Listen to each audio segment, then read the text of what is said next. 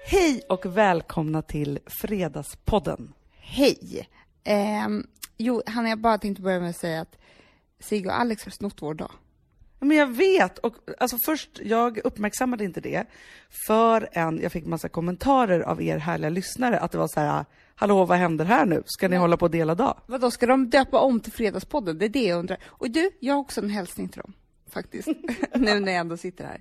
För jag lyssnade på deras podd, då Alex pratar om att ehm, han har disken och jag har tvätten hemma och att han måste använda mina trosor. Ja, det där hörde jag också. Men då har jag bara en hälsning tillbaka. För ett halvår sedan så kastade han hela sin underklädeslåda, kommer du ihåg det? Ja. Och strumpor. Mm. Otrolig grej. För att köpa nya. Vet du hur många han köpte? Nej. Nej.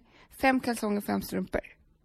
Men vadå, så han tänker då, det är ju det är inte ens en veckas användning. Men det är det jag säger. Jag säger alltså, och så står han så här vid, vid eh, byrålådan och bara ah, ah, gör såna här ljud.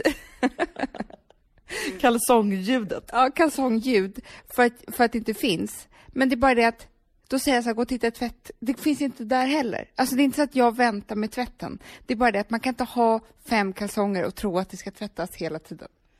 Nej, och hur länge har han de här kalsongerna? Är det ett dygn?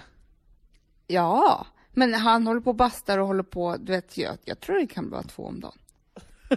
Men då känns det ju nästan som att vi måste alltså, göra slag i saken och köpa en ny kalsonggarderob till honom. För när jag ser den här bilden av honom i dina trosor, då tänker jag att det kan vara underlag för skilsmässa. Speciellt eftersom det bara finns ett par han kan ha.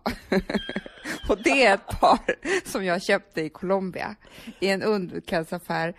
Alltså om jag säger så här, tänk Colombia ute i börsen. Alltså kvaliteten var inte hundra. Så jag förstår att han sett det svettigt. För de är så här nylon, alltså. Men vad gör han? För jag undrar faktiskt precis som Sigge vad han gör liksom med själva snoppis och pungis. De är all over the place om man säger så. De är Ihoptryckta som en... ihoptryckta, liksom, snoppen är liksom längs kanten på sidan. Alltså, det är inte längre, hänger inte längre ner, utan allting är lite mera upp, om du förstår. Ihoptryckt. Det är tur att ni precis har fått ett barn, för annars skulle man ju vara orolig för det också, om det kunde vara någon produktion där nere. Det är det inte. Det tror inte jag. Det och bastun kommer vara att det här var det sista barnet vi fick. Men du, det som jag blir lite glad över nu, att jag vet ju nu vad jag ska köpa till Alex i julklapp. Bra, du vet. Inga trosor. Alltså jag blir så jävla förbannad när jag tänker på att det liksom någon duschar i det där badrummet. Minimera förväntningarna så att du inte blir besviken, för det är besvikelserna i livet som gör att man mår dåligt. Död, död, död, sa jag. Fy fan vilken hämnd det var. Hej, här är Perfect Day. Idag är vi nakna. Du är praktikant hos oss. Jag har inte pratat med någon om det här, så jag håller liksom på att explodera och det har också vuxit i mig. Men det var så här, jag skulle igår morse till Sturebadet. Va? Det har inte berättat. Nej, men du hör ju. Men jag har haft så ont i huvudet ju. Och så tänkte jag så här, jag hade ett, ett, fint presentkort och så skulle jag ta den då, en, mass, en massage. In kommer jag, och jag är inte alls, alltså för mig är ju ett, ett besök på Sturebadet liksom en gång om året typ. Det är ju tjusigt liksom. Men det finns ju folk som tränar där och har det som sitt liksom ställe. Ja. Det, det är det man vill ha själv också, men inte har råd med. Det drömmer man om. Jag kommer in på, i omklädningsrummet eh, och tänker så här, nu går jag in i hörnet och där ska jag ställa mig. Där står en tjej med ryggen mot naken som vänder sig om och visar sig vara en person som vi känner. Jaha. Jossan Bornebusch. Oh, underbart. Ja. Underbart! Och jag blev så glad att se henne. Det, det enda som, var som hände var att jag då, liksom, det blev så här konstigt för hon var ju helt naken.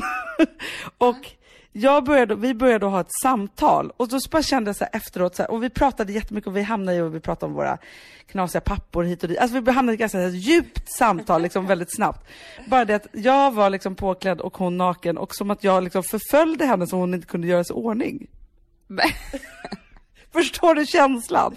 Jag förstår, men jag tänker så här, två saker tänker jag. En sak tänker jag är att det, jag har varit också på Sturebadet. Människor går omkring nakna otroligt lång tid av den tiden eh, de håller på att klä på sig. Vilket är så för mig, jag fattar inte vad de håller på med. Alltså för mig, jag har badrocken på mig, tar av mig den, smörjer in mig om det är möjligt, liksom. det tar mig en halv minut. Sen har jag ju satt på mig underkläder. Varför gå omkring naken så mycket? Nej men jag vet, jag var helt i chock över den här nakenheten igår. Det var som att jag var på ett nudistställe. Och jag stirrar ju också. Ja, men, men framför allt, Amanda, det måste jag verkligen ge en eloge till alla, för det var ju otroligt mycket äldre kvinnor där och sen så var det en del, ja men det var, det kändes som att det var mycket liksom eh, Porsche människor där. Och alla hade otroligt snygga tuttar. Ja men det är det jag säger. Alltså det, det är ju, här är hemskt att säga, men det är en jävla skillnad på att gå på Sturebadet och se de nakna kvinnorna där, än att gå liksom på något så här kommunalt badhus. Alltså tyvärr så är det ju så.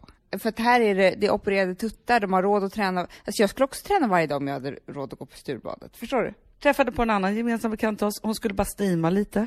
Nej. Och så är de solbrända också, för de är ju på solsemester hela tiden. Jo men det enda jag, alltså jag stod jag hade världens största öron och ögon, jag hade, såg ut som jag hade ätit glosoppa. Men jag bara väntade på att någon skulle säga så här, har du ätit tittsås med blängsylta eller något? Så mycket glodde jag. Men i alla fall, det enda då mina stora öron hörde, det var ju olika otroliga planer eller berättelser om resor och när de har varit vid sina hus. Jaha. Alltså så här, ja men vi var ju nere i Frankrike precis och det var ju så otroligt och det var jättefint väder och vi bara tog det lugnt och sen så, sen så nästa vecka då ska vi åka till Alperna och baza, baza, baza. Det var liksom, inom loppet av fem minuter hade jag hört om resor jag förstår att de har gjort den närmaste månaden som jag kanske kommer peta in i mitt liv de närmaste 20 åren. Men du, jag har ju ätit en nakenmiddag en gång. Va? Ja. Alltså, det var ju på en gamla goda tiden, den jag alltid tar upp här. När du alltid, men vet du så, nu när du säger... Gissa var, gissa var. I Frankrike. Ja, Saint-Tropez. ja.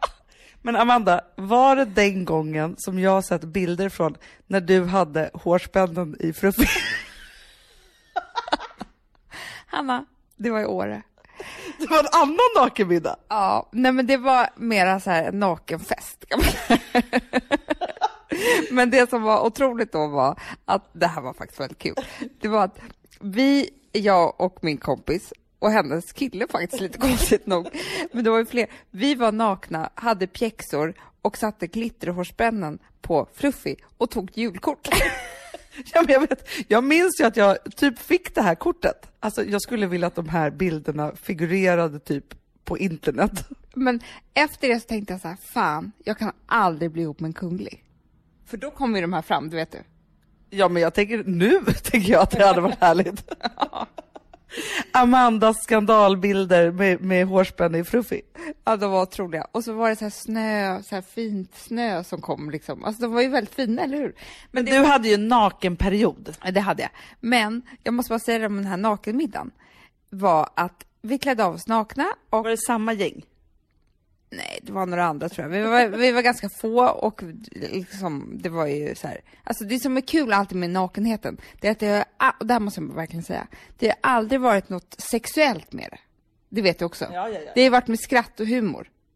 Men absolut. Jag, men alltså, jag vet ingen som, som eh, har sån otroligt skön distans som du och din bästis då. Som, alltså, som till och med kan liksom göra sin fruffig fin och ta kort på det. Alltså det är underbart, jag älskar det. Ja, och då var det i alla fall den här nakenmiddagen då vi satt och skulle äta middag nakna. Först var det liksom ett glas champagne till fördrink, då var man lite spänd och satt med benen i kors och så här höll för tuttarna och du vet så här. Men det som hände sen var två steg. Del nummer ett var ju så här, typ efter förrätten och när varmrätten kom in. Att man började sitta i djupa diskussioner och glömde bort att man var naken. Men får jag fråga, så här, när varmrätten kom in, var det en butler då som kom in med den här? Eller vadå, lagade ni mat nakna också? Ja, jag tror det. Jag kommer inte riktigt ihåg exakt hur maten, liksom, men typ ungefär så här. Ja, och helt plötsligt satt man där och liksom var superengagerad och inne i något viktigt och hade helt glömt bort, och du vet började sära på benen och så för att man blir så engagerad och gör stora gester och sådär. Och steg nummer tre, det var ju dansen. Alltså du vet när man står och vevar med händerna och sånt där, för att det är en bra låt och man har, blivit brusad. Men det var liksom inget sexuellt i det här? Du, det var ingen som såg att man var naken till slut. Alltså det var ju det, det var det jag skulle säga med Sturebadet, tillbaka till det. Att om man är där ofta, så kanske det är så att liksom, då bara går man omkring naken, pratar om olika hus, resor och, och sprayar spray i håret och, och skiter i det. Ja men det kanske är så. Men förstår du, jag känner mig som kom in där fullt påklädd, inte så van vid det här och var som att jag liksom stalkade och förföljde en naken person som kanske bara hade velat vara i fred och vara så här, fast nu kan du byta om och så pratar vi om det här sen för jag står här naken. Men jag tror att vi ska börja vara mer nakna, Hanna. Alltså, tillbaka till det. Jag tror att man blir en friare, alltså nudister, de mår ju jättebra, du vet du. Alex älskar ju att vara naken.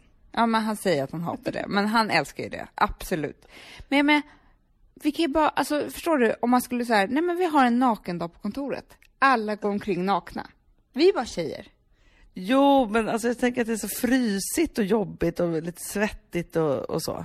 Svettigt och frysigt hör inte ihop. Jo men alltså först så fryser man och sen så, så här, sitter man där och så är det no Nej men vet du en sak Amanda, jag, jag älskar att vara, nu låter det jättekonstigt, men så här, vara naken eller, liksom, eller lättklädd då hemma. Så. Och nära mina barn och gossar och min kille och liksom så här. För jag har ju hört människor som aldrig typ är ens nakna när de sover. Nej, Nej men det är det jag menar. Men kan inte ni ha nakendag hemma då? Jo, men och det är det jag säger. Jag är helt öppen för nakenheten hemma. Men jag orkar inte hålla på och sitta naken med dig och tjejerna på kontoret. Jo, det vore kul. alltså, jag tror det. Jag tror att Blanken skulle gilla det. Ja, men det tror jag. Mikaela. Ja. Emma från Norrland. Hon skulle ju vara i chock efteråt. Nej, Hej, här är Perfect Day. Idag är vi nakna. Du är praktikant hos oss.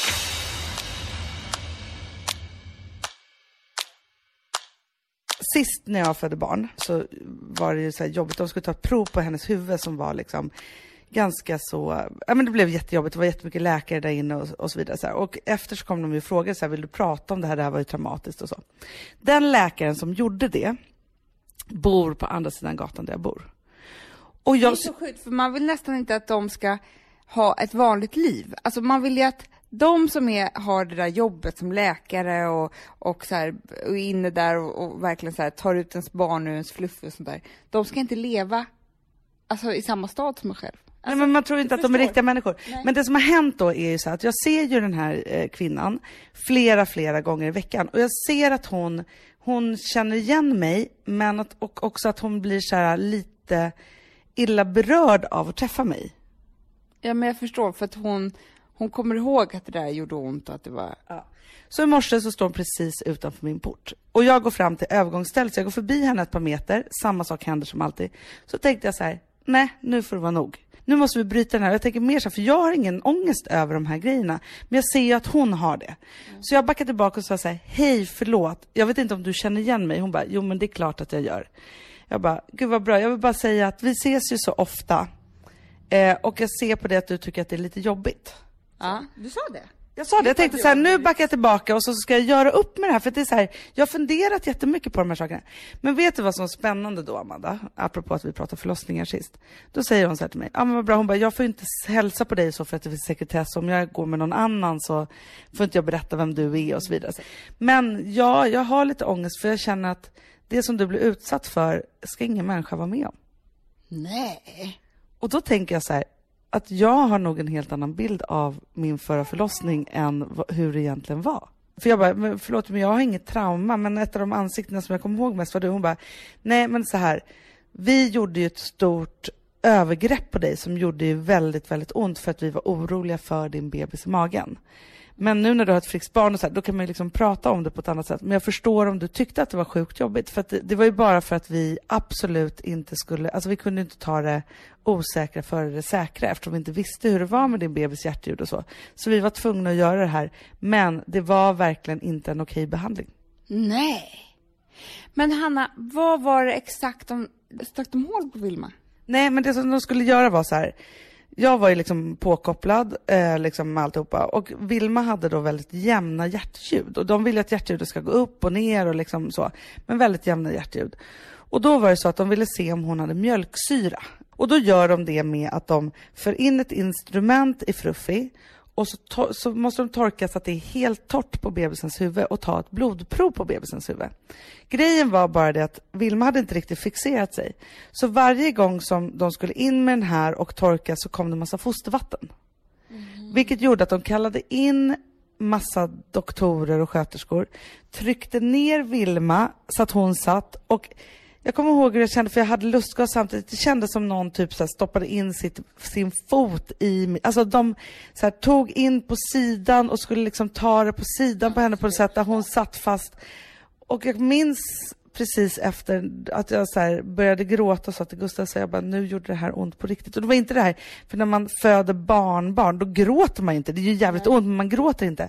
Men det var liksom, jag blev ledsen av smärtan, förstår du? För jag bara kommer ihåg när jag skulle sätta in den här eh, grejen på barnets huvud istället för CTG, skalpen. skalpen. Då var det, kände jag också samma sak, att jag grät och skrek, inte samma som du, men jag grät och skrek och de slutade inte. Och den känslan var ju obehaglig. Oj. Så då förstår jag att det här måste varit helt fruktansvärt. Ja, hon bara, jag minns också din kille, han var helt så här kallsvettig och alltihopa. Jag bara, jo men han var ju så orolig för att han visste att jag inte tyckte att det skulle vara något härligt att behöva ta kisarsnitt. Mm. Hon bara, nej men ibland så måste man göra det, liksom så. Men helst, om du frågar mig som läkare, så nej, jag skulle aldrig ta ett kejsarsnitt i onödan. Nej, men Hanna, jag måste bara säga en sak. Att när vi var uppe på sån här återkontroll på sjukhuset så kom det ett par med en blombukett till en barnmorska mm -hmm. och en bebis. Och bara, hej, vi vill bara tacka dig, du har betytt så mycket för oss.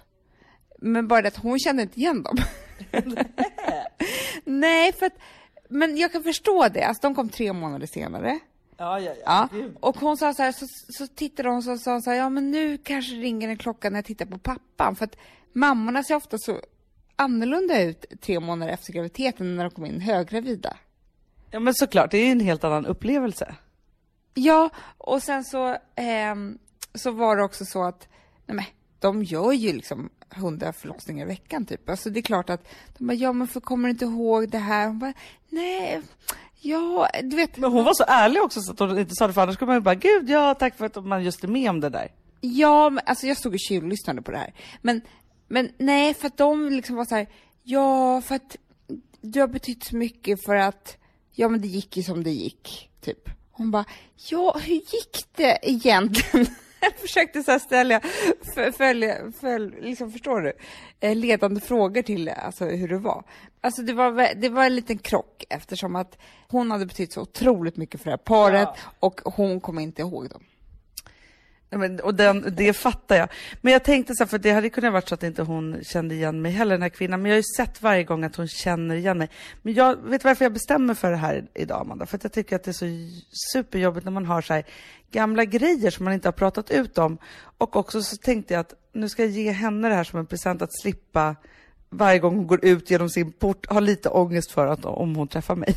Ja, men det är ju hemskt. Men det är också hemskt, alltså det är ju en stor grej överlag, det här med människor som man inte vet om man ska hälsa på eller ej på gatan. Alltså, ja. det är fruktansvärt tycker jag. Och ibland kan det vara så skönt att bara säga, nej men nu, nu hälsar jag på den här personen, för någonstans har vi träffats, eller hur liksom?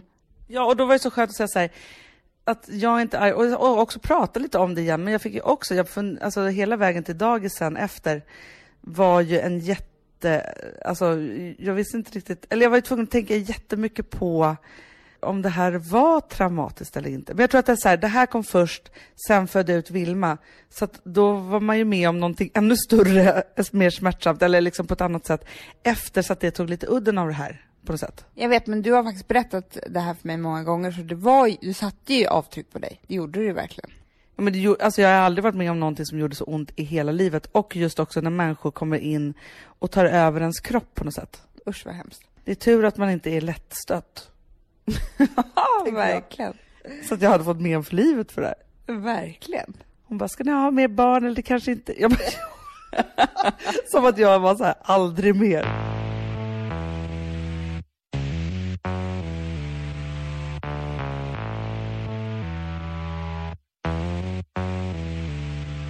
Vi är sponsrade av Synoptik och deras glasögonabonnemang All Inclusive. Alltså det här är ett genidrag. Alltså, mm. Så fort man har hamnat i... Tyvärr, alltså antingen så har man det såklart från födseln, men, men vi som blev lite till åldern, Hanna, och ja. synen den svek oss.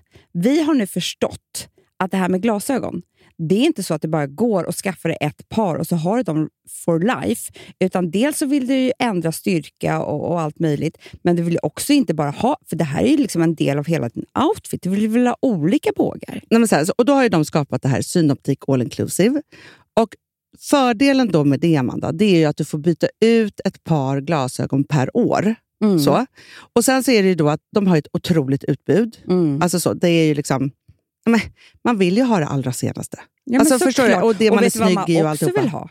Solglasögon med styrka. Ja, så är det. Och sen så också är det ju supersnyggt med tonade glas. Det har inte jag börjat med än. Men Är det det som kallas dynamiska glas? Exakt som så färgskiftar. Det är jättesnyggt. Ja. Allt är inkluderat i en fast månadskostnad. Och Det är från 90 kronor i månaden och inga oförutsägbara kostnader.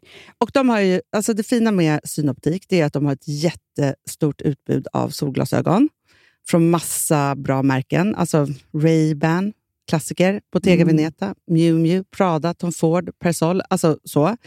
Och de har ju också superfina vanliga glasögon, linser, allt De du behöver. allting. Alltså, Hörrni, ni måste gå in och läsa om det här på synoptik.se. Men till det allra viktigaste.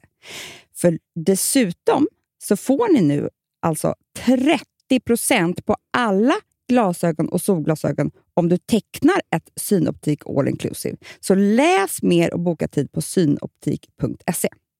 Vi har ett betalt samarbete med Syn nikotinpåsar. Det här meddelandet riktar sig till dig som är över 25 år och redan använder nikotinprodukter. Syn innehåller nikotin som är ett mycket beroendeframkallande ämne. Syn kommer i olika smaker, styrkor och format. Syn har redan idag ett brett sortiment av mintprodukter, men nu breddas sortimentet ytterligare. Dels med nya smaken Cool Frost, men även med fler styrkor eh, inom existerande smaker. Jag gillar ju Syn Spearmint Slim som har en rund smak av spearmint i kombination med pepparmint.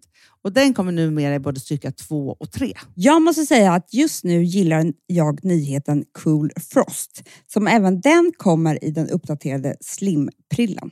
Läs mer på niko.com och klicka in på syn. Och glöm inte att slänga din tomma dosa i plaståtervinningen. Hanna, ah. vi är ju sponsrade av Bosch och deras köksmaskin serie 6. Och vet du vad jag har att berätta för dig?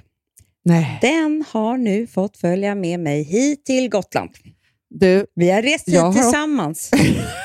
jag har också Och jag är min jätteglad för min Vi kan ha sånt där battle med Bosch. Ja, men jag Vem tänkte så här, först bäst. var jag så här, jag har ju haft en stan. Och sen bara, men nu börjar sommarsäsongen.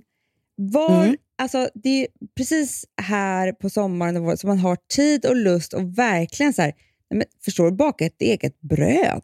Förstår du baka bullar till fotbollsmatchen vi har på, på liksom, vid, vid fem varje dag med barnen? Alltså, ja, ja, det blir bättre mellan dig och mig. För nu har jag bakat, Hanna. Eftersom skålen rymmer 3,5 kilo kaksmet i ett svep så har jag nu alltså 200 småkakor. Nej, men alltså, det är otroligt. Då har ju du för resten av sommaren. Alltså jag kan ju börja sälja här. Hanna, jag kan ju konkurrera med bageriet. Det är det. Amandas Bakery Mm. som, som kommer vara här på vägen. Så här, vi är alltså sponsrade av Bosch och deras köksmaskin serie 6. Alltså, I maskinen så finns det olika typer av sensorstyrda program. Så när jag ska baka ett bröd då behöver jag bara hälla i alla ingredienser i skålen och sätta igång ett program så känner maskinen när degen är perfekt knådad. Alltså jag behöver liksom inte chansa utan jag kan lita på att degkroken stannar när det är klart och att resultatet alltid, Amanda, blir lyckat. Men när jag åker hem från Gotland då är det, då är det jag och Borsis som åker tillbaka till stan med den. Alltså jag, den lämnar Ja. mig aldrig. Nej, men alltså nu är det så här, från, från att bakning för mig har varit svårt så är det nu kul. Mm, För, att jag, kommer, för jag kan ju lita på att jag lyckas med den här bakningen varje gång, Amanda. jag vet. De har ju så här prova hemma 100 dagar med fri returrätt. Eh, för de vill ju vara säkra på att, att kunden blir nöjd såklart, vilket jag vet att ni kommer bli. Men det här tycker jag är så schysst. Så att jag tycker att ni ska in och läsa mer om Bosch köksmaskin serie 6 och sen köpa den hos Power och ni kommer ha en, uh, ett underbart liv känner jag. Verkligen.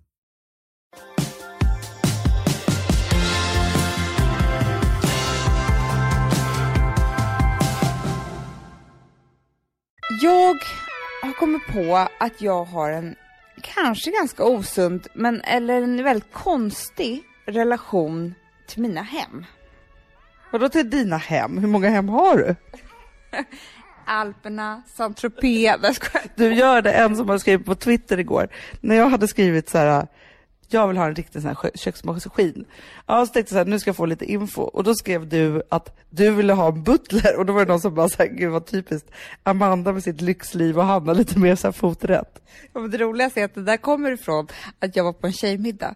ehm, där det var någon sån här lek, så att vi fick så lappar om att man skulle kolla hur många vuxenpoäng man hade. Alltså förstår du, bil eller du vet så här. Gud vilken grej, här tjejmiddagsgrej och ha så här, nu är det lek. Verkligen. Det är vår Martha, Stewart, eh, liksom, tjej i det här gänget som hade styrt upp det här, du förstår. Ja. Och där var en vän till mig som är lite mer förmögen, om man säger så, än vad jag är. Eh, och det roligaste var att hon har aldrig lagat mat i hela sitt liv. Och hon satt bredvid mig. Så hon eh, kryssade i eh, alltså, om hon hade en köksassistent. Och jag bara, men det kan inte du ha. Alltså jag vet, jag, jag har varit hemma hos dig, du har aldrig lagat mat eller ingenting. Hon bara, vadå, jag har ju hjälp. hon visste inte vad det var. Men hon hade haft alltså, hjälp i form av en människa hemma. Det är ju underbart, men du, du måste jag berätta att Anna, nu är det ju ganska vanligt med så här att man är någons PA, personal assistant liksom, eller så, ja. Men för ett par år sedan så hade min, eh, min kompis, hon, eh, hon var och hälsade på med sin kille hos mig på Gotland och så blir de så jävla osams. Så han drar och så tänker jag så här, jag bara, dagen efter vi är så här tänker så han kanske har åkt in för polisen, han har druckit en flaska whisky och så. Och då ringer jag till polisen och bara, hej, jag undrar, eh, jag är den här personens eh, personliga assistent och jag undrar om den, om den har kommit in här under natten. Alltså så de bara, eh, vadå, har en, en sjukdom? Eller liksom, de tänkte ju att jag var en personlig Rullstolsbunden. Ja men någonting så att jag var liksom en anställd personlig assistent. För det fattar man ju. Men jag tänkte mer så att jag var så här lite Hollywood-aktig och var någons PA. Det är verkligen två helt olika saker. Och också när man ringer till polisen och efterlyser en person så lät det som att det här var någon som var riktigt, hade druckit en flaska whisky, gett sig iväg med rullstolen. Det hade kunnat hänt vad som helst för den här personen. Verkligen. Jo, men det jag skulle säga om eh, eh, mina Dina hem. Då menar inte jag att jag har så många hem, utan jag menar mera mi- mina hem genom livet. Jaha, ja det är spännande. Eh, nej, men jag har ju, när jag tänker på mina hem som jag har haft, från den första ettan som jag bodde i tills det här hemmet nu, så är de som människor för mig. Alltså jag kan, jag skulle nästan kunna börja gråta över tanken på att jag övergav min etta till exempel. Om att den kanske är ledsen och sådär. De, de, dina hem har en själ. Verkligen. För mig har det varit eh, så stor del av mitt liv. Alltså när jag tänker tillbaka, allt ifrån min etta, där så här, som tog hand om mig när jag eh, låg och grät i sängen och aldrig mer ville gå upp för att, jag liksom, för att livet var hemskt. Eller där eh, jag kanske hade min första relation eller eh, upptäckte allting med mig själv som man gör när man är 20 år. Eller, du vet, eller jag har kräkts på den där toaletten av första fyllan, och inte första fyllan kanske, men tjugonde. Och så här upptäckte också vuxenlivet, hur jag så här kunde hälla upp ett glas vin och vänta på mina väninnor som skulle komma och ta en cigarett där i köket. Eller ta en cigarett i sängen gjorde man ju för den tiden också. Men fyllt av förväntningar egentligen. Ja, men fyllt av att det här hemmet tog hand om mig och lev, höll mig i handen under de åren. Till så här, sen jag flyttade ihop med en kille och skulle lära mig det livet och hur det hemmet kommer jag ihåg, som jag kan sakna så, så mycket så att det inte är klokt. Inte för att det var så härligt, utan för att det var en så stor del av mitt liv. Till mitt hem i London, där jag så här, eh, var liksom deprimerad stor del av tiden och hur, hur, eh, hur jag och det där hemmet var så ensamma och jag hade liksom inte så många där och eh, du vet, jag kan älska den där luggslitna, liksom, nästan mögliga heltäckningsmattan som jag försökte göra fin och alltså du vet, jag tänker på mina hem som om det har varit partners i mitt liv. Men det tycker jag är fullt förståeligt. För det är ju jag också. Ja, men, ja, men jag vet, och du är min syster och vi är samma knäppa människor. Men jag tror att det finns människor som inte överhuvudtaget ens reflekterar över var de är någonstans. Alltså de har så här... Men typ så här, här bor jag och sen så är det inget mer med det. Ja, för att det här har blivit så sjukt för mig, mina, mina relationer till mitt hem, att om du skulle säga till mig, Amanda, du får, eh, här, här har du eh, en bunt med pengar, stick till Los Angeles i några månader med din familj. Då skulle jag direkt tänka så här, nej men det vore inte trevligt tycker jag för att eh, jag vill inte ha ett hem som inte jag ska bo i och kunna göra fint. Ska jag hyra då eller bo på hotell eller? Alltså, förstår du? Jag, om jag inte är rotad i mitt hem och kan planera och tänka hur det ska vara och köpa blommor eller så här, planera framtiden där, då vill inte jag vara där. Nej, men det är ju för att du och jag är sådana otroliga trygghetsnarkomaner. Det är det jag ska komma till. Det här är osunt. Men tror du verkligen det? Det är lite som vi har gjort med allt i hela vårt liv. Vårt liv har ju varit lite brokigt minst sagt och lite otryggt ibland. Eh, så, och då tänker jag så här, för det som vi, som jag minns att du sa en gång att din terapeut sa, för vi pratade om eh, det här att du och jag jobbar ihop och att vi bygger upp samma sak. Det är ju någonstans liksom slutsatsen av det som vi har gått igenom i livet. Att vi bygger upp det absolut tryggaste vi kan tänka oss. Ja, och det, då måste man säga att det är bra. Men du förstår vad jag menar, att det finns ju människor som så här, äh, jag åker hit och bor här och skitschysst, jag fick låna etta en månad och där hade jag jättetrevligt och alltså som inte överhuvudtaget bryr sig om, alltså de kan liksom vara var som helst och bara slå ner rötterna lite grann medan vi måste så här, rota dem så, så långt ner så att, så att vi liksom nästan får andnöd av att vara så trygga vi någonsin kan bli. Ja, men jag förstår precis, för att om, om, nu när jag tänker på det nu när du pratar om det så var det så att från att jag typ var 18 tills jag fyllde typ 28 så var ju jag den som hade bodde i samma lägenhet och mina kompisar kom och slog sig ner lite hos mig, men jag flyttade inte på mig. Nej, och hur tänker du när du tänker på den lägenheten? Ja men det är min finaste i hela världen. Nej men alltså verkligen, det är, jag kallar det för Heartbreak Hotel.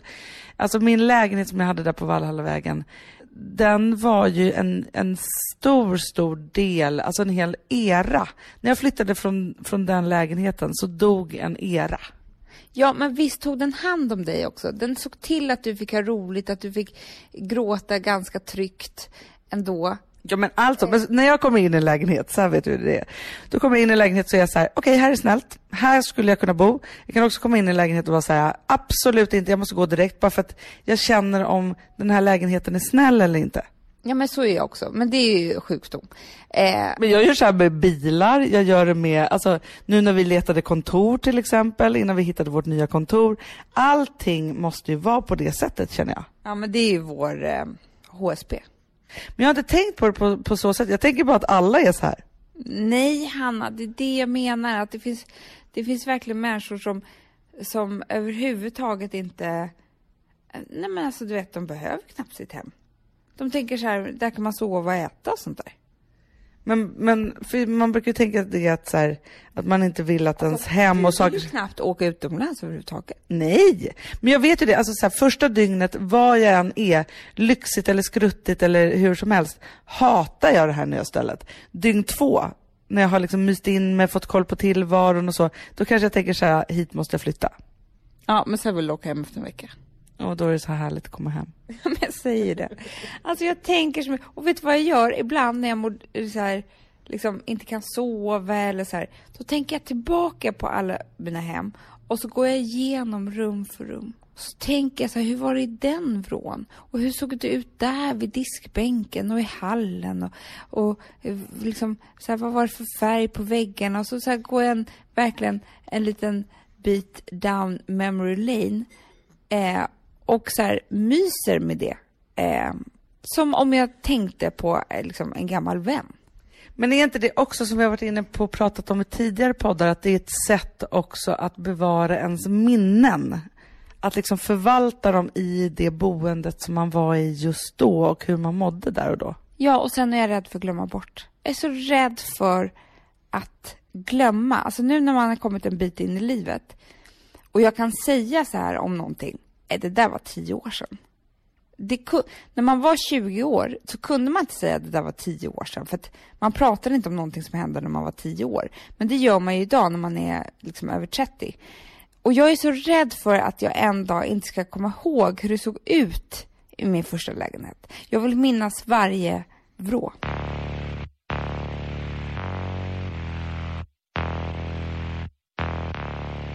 Vi sponsrar Swiffer. Ja! Och nu är jag så glad, för att Alex har ju eh, liksom varit väldigt arg på mig i sin podd. Mm. Alex och Sigge-podden, eller vad den heter. Det, vad, vad för, för att han säger att jag inte städar.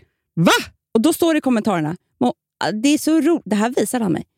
Det är så roligt att Amanda gör städreklam för Swiffer nu när vi vet att hon inte städar. Hanna, eh, eller alla lyssnare, hörni. Det Alex talar inte sanning. Allt Nej, han säger men är också inte sant. Du, vet du hur, jag, hur mycket jag ser dig Hanna, städa? det är väl nästan, Hemma, på Gotland, överallt. Och nu ska inte jag vara sån. Det, det gör jag verkligen. Men det är också alltså, min roligaste hobby. Alltså Det är så bra. Det, dessutom så har det så god doft, det måste jag bara säga, för jag är ju doftkänslig. Men då får du liksom ett paket med torra eller blöta, vad säger man, tras, eller handduk eller tras. Eller, Swiffrare. Ja. ja. För jag läser här då vad som ingår när man köper. Då är det så här, Swiffer golvkit. Ja. Inklusive våta och torra refills Mm. samt Swiffer dammvippa inklusive Den är refills. jättebra. Ja. Men då sätter du bara den här och så klistrar du på det här. Det är jätteenkelt. Hanna, det som kommer upp, du får ju alltså se, den är, de är vita, så du Mm. ser ju all smuts som har kommit upp. Att det finns en teknologi som de har som heter trap and lock. Ja, men, jag vet, den kan jag Otroligt. jättebra. Nej, men det är så enkelt, det är så bra. Det är så här, det är liksom, och du kan göra det bara eh, lite grann i köket på, på en halv sekund medan du typ brygger kaffe. Du vet, det här är, är Jag bara säger allt. så här, om ni också känner som jag, så är det så att Swiffer finns typ överallt. På närmaste Clas Ohlson, i de flesta ICA-affärerna, Stora Coop, Rusta, Dollarstore, ÖB etc. Så håll utkik i mataffären och testa nu. Nu har den kommit. Nu är den här. Nu är den här. Alltså, vi sponsrar av All och vi ska prata om nya pennan Forest Green. Alltså, sen jag fick testa provet, vilket Mm. var ganska länge sedan, för att det tar tid att göra såna här otroliga produkter. Nej, men jag har tjatat en gång i veckan som, liksom, som en galning. För att det är så här, när kommer den gröna kajalpennan? Nej, men du vet Fanny, som jobbar på All Ja. hon fick ju sluta använda pennan. För att hon använde den och filmade och alla frågade "V- vad, är det för färg. Men hon hade ju bara ett prov. Nej, men alltså så här, grejen är att vi, gjort, vi har gjort, vi har ju svart och brun. Och sen så har vi ju grå och sen så har vi midnight blue. Och midnight blue är ju en sån här att varje gång som jag, så här, för jag målar ofta liksom svart och sen så använder jag midnight blue kanske i ögat eller som en linje Mm. utanför, eller bara den, så händer ju något. Och med blicken. Ja, ja. Och det är samma med den gröna.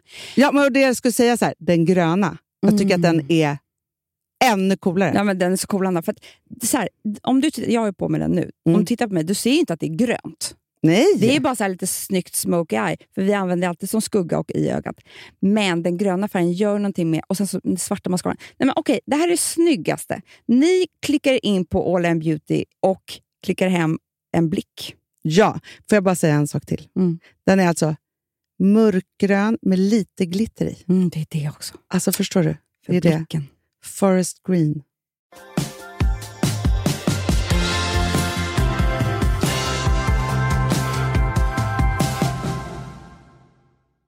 Apropå det så måste vi ju prata lite om Fatbursgatan där vi är uppväxta. Det, det är det första hemmet ju. Det tänker jag ju jättemycket på. Ja men det är så speciellt, Men- och jag tror ju också så här, för ibland så åker man ju förbi där, där vi bodde. Och då ser jag ju exakt hur det såg ut i den här lägenheten. Men jag tror att om man kom in där nu, skulle man tycka att det var ett, väldigt mycket mindre och två, kanske inte riktigt såg ut som, som vi trodde. För någon har ju moderniserat och renoverat loss där förmodligen. Ja, och det är det här som är nästa steg i det här sjuka. Det är att jag kan inte tänka på, alltså det här är som otrohet för mig, att någon annan bor i mina hem. Alltså jag blir så jävla förbannad när jag tänker på att det liksom någon duschar i det där eh, badrummet till exempel.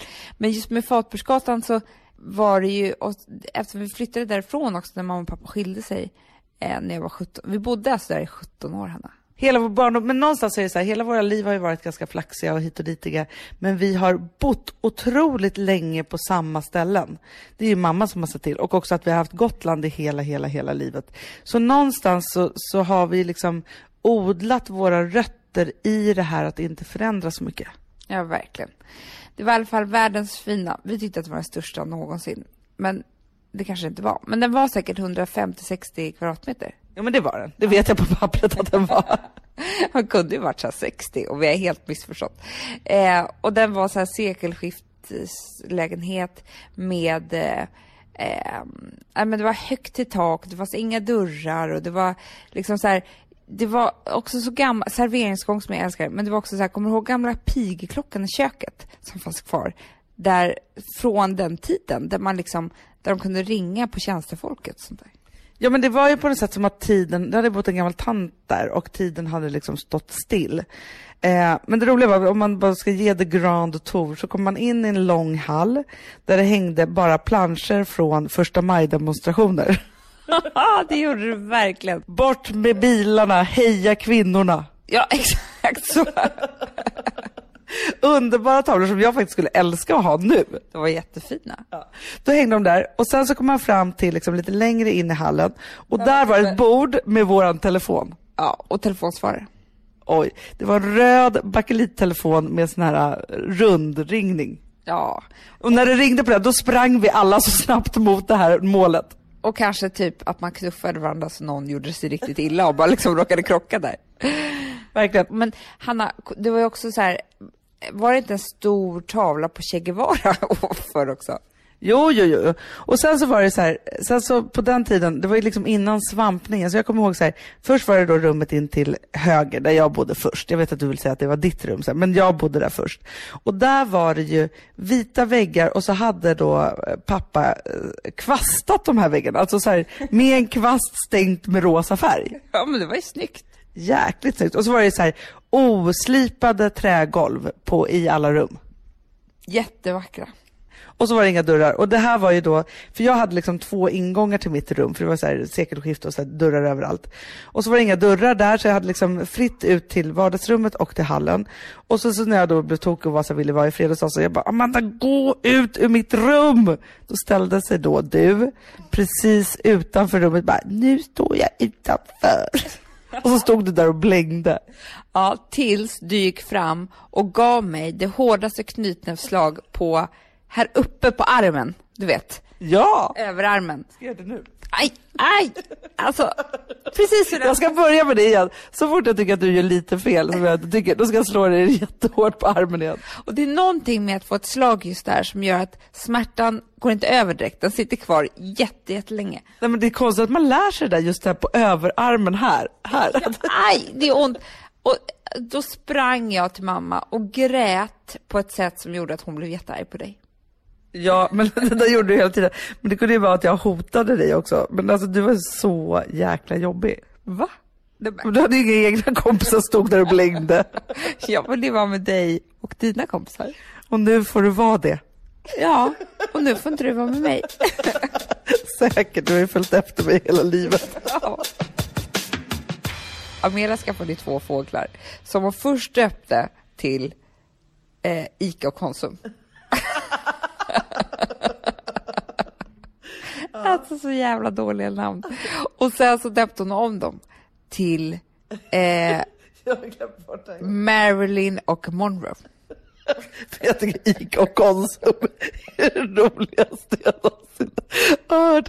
Det är lite som jag sa till Rosa häromdagen, apropå hennes tweenie-sätt och allt. Vår mormor hette ju Tuttan.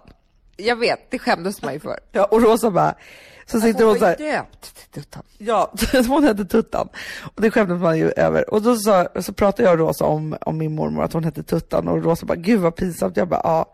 Jag bara, fanns det en till, då skulle de ju kunna heta Tuttan och Muttan.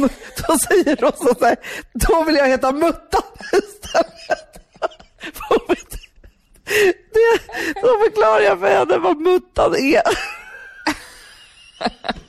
Då måste hon skämt ihjäl. Nu ångrar hon sig så mycket. Du kallar henne Muttan. Nej du vill inte heta Tuttan, du vill ju heta Muttan. Hon skrek, skrek verkligen rakt ut så här, då tar jag Muttan. För så du måste. Ja. Men sen så hade vi två katter, Hanna, när vi hade flyttat hemifrån, som hette Linda Rosing och Katarina. Ja, ja men de hade vi ju. Eh, och det var ju så att alltså, Katarina fick ju jag faktiskt en morgongåva på mitt bröllop. Det var ju romantiskt. Ja, men det, det som inte var så romantiskt var att sen skulle jag ju härma det här och ge Katarina, katten Katarina, Nej, Linda Rosing. Linda Rosing, ja, eh, en liten kattunge eh, som bröllopspresent till min allra bästa vän. Jag packade in en liten kattunge i ett paket och kom till eh, hennes lysning. Där det var så här släkt och vänner. och liksom, alltså typ lika stort som bröllopet fast hemma hos dem. Eh, och så här jätteuppstyrt och alla skulle lämna presenter. Och gjorde liksom en stor scen av det här när hon skulle öppna paketet där det satt en kattunge i. Det var bara det att hon blev inte så glad, Hanna. Och hon är, grejen är, jag kommer ihåg, för ni hade ju haft Katarina för jag inte kunde ha henne hemma. För hon ville jaga Rosa typ. Alltså hon trodde Rosa var en stor råtta. Hon ville kväva Rosa, hon ville lägga sig på henne. Ja, och då fick ju du ha det. Och då tyckte, då hade då din kompis och hennes kille tyckt att det var så mysigt att ni hade en katt. Men inte så mysigt tyckte de inte att det var. ljugit. De hade ju varit så här artiga. Jag bara, gud vad mysigt att ni nu har katt och sådär. Jag hade verkligen tagit dem på orden. Så att det här blev ju, nej, det blev ju, alltså jag fick ju ta ba- tillbaka Linda Rosing efter tre dagar. Så helt plötsligt hade vi två katter i min etta. Ja, och sen flyttade Katarina och Linda Rosing hem till mig igen. Just det, för jag kommer ihåg då hur min, eh, den killen jag hade då, han skrek alltid efter katten, Katarina! Men alltså han är ingen djurmänniska, men han älskade de där två katterna. Alltså jag tror han älskade Katarina mer än han älskade mig faktiskt, om jag ska vara ärlig. Han älskade henne. För jag vet sen ett par år senare när jag träffade på honom, han bara, hur är det med katter Och jag bara, eh, alltså, de är borta nu. Nej men Linda Rosing gav jag ju till en jättesnäll tjej och Katarina hon blev ju galen för hon var ju utekatt eller vildkatt från början. Så att hon fick flytta in på en bondgård. Ja, och jag kommer ihåg att det var så kul, för när jag träffade honom så här efter, och du vet när man är lite osams med sitt ex och, och man, liksom, man är så irriterad på varandra och, man, han tog min TV och jag, men du vet så här, man håller på med det där. Eh, då tyckte jag att det var så skönt att bara säga så här till honom, du vet att Katarina är död. och han bara, är det sant? Död, död, död, sa jag. Som inte du hade varit elak nog mot honom redan innan. Var, fy fan vilket hem det var.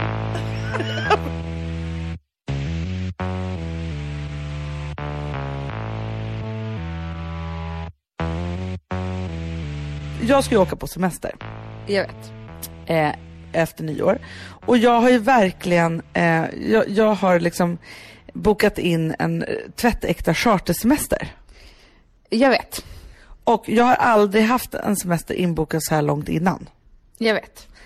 Och det är några kompisar som också har bokat samma resa. Eller först bokat några och så härmade jag dem och sen som har härmat mig. Och nu är jag då, du vet, men det här, det här kanske är samma sak som du hade med, med hemmen. Jag är så orolig att jag ska bli sjuk, sjukt besviken. Eh, fast jag ändå försöker liksom måla upp att det verkligen är liksom så här hotellkomplex och hur det här är och att det inte kommer vara så exotiskt och massa sådana saker för att jag inte ska bli besviken. Men jag är ändå orolig. Jag säger bara så här. Du kommer bli besviken. Alla är olika lagda. Eh, vi tycker bara om en semester egentligen och det är ju Gotland. Där vi har våra hem och så här. Och det är inte, alltså, där har inte ens vatten och toalett typ. Det är inte att det, det, vi vill inte åt det lyxiga utan det ska bara vara på vårt sätt. Vilket är att när vi åker på chartersemester så är det så lite på vårt sätt som det bara kan bli. Ehm, så att det finns verkligen ingen bortskämdhet här. Det är bara så här, det bara är så. Så att vi har ju åkt, försökt åka på sån här charter där man ska bara inrätta sig liksom i ett led av människor som gör saker på precis samma sätt. Och bor och lever och äter och så här. Från samma buffé. Det funkar inte för oss, helt enkelt. Men alltså nu blir jag livrädd Amanda. Ja, men jag bara säger så här, det är bättre att du, du tar det här från början så att du kan ställa dig in på, alltså det värsta som kan hända på en sån här semester, det är om eh, solen inte skiner. För det kommer att bli som grädde på moset. Så du känner att jag kommer vara mer förlåtande om solen skiner? Ja, tänk så här, maten kommer vara äcklig, rummet kommer vara fult, det kommer inte finnas någon balkong, Eh, liksom, poolen kommer vara barnkiss i. Eh, du vet så här, bara måla upp den värsta bilden du kan tänka dig. Så kommer du inte bli besviken. Då kommer du bli glad. Men du, jag tänker det, det var en, en tv-chef som faktiskt heter Johan Westman. Vi pratade en gång om liksom så här, hur man ska vara så lycklig som möjligt och då sa han bara så här, minimera förväntningarna så att du inte blir besviken, för det är besvikelserna i livet som gör att man mår dåligt. Men det är precis så jag känner. Då kan vi åka på charter, om du bara tänker så här, eh, liksom, för att du har ett härligt hem. Och det är alltid så jag tänker att om, om hotellet inte är härligare än mitt hem, vad fan gör jag här? Så sant. Okej, men jag ska ta med mig det här och jag ska, alltså det här är inte för som typ så här en månad och någon vecka, men jag, jag tänker att jag börjar bearbeta det här redan nu så att det bara kan bli så bra som möjligt. Så jag säger bara, Hurgada, hela kam. Bra, vi ser fram emot det. Hörni, ha en underbar helg nu och eh, ja, som vi brukar säga, gör något härligt. Verkligen. Och framför allt, vi finns ju på våra bloggar och så finns vi på Instagram och vi finns på Twitter. Och om bara några dagar så kommer vårt nästa nummer av vårt decembernummer som bara är superglamourigt och asahärligt. Gud vad härligt. Spring och köp, eller ännu bättre, gå in och prenumerera. Anmäl er. Bra idé, Amanda. Ha en underbar helg. Puss och kram. Puss och kram.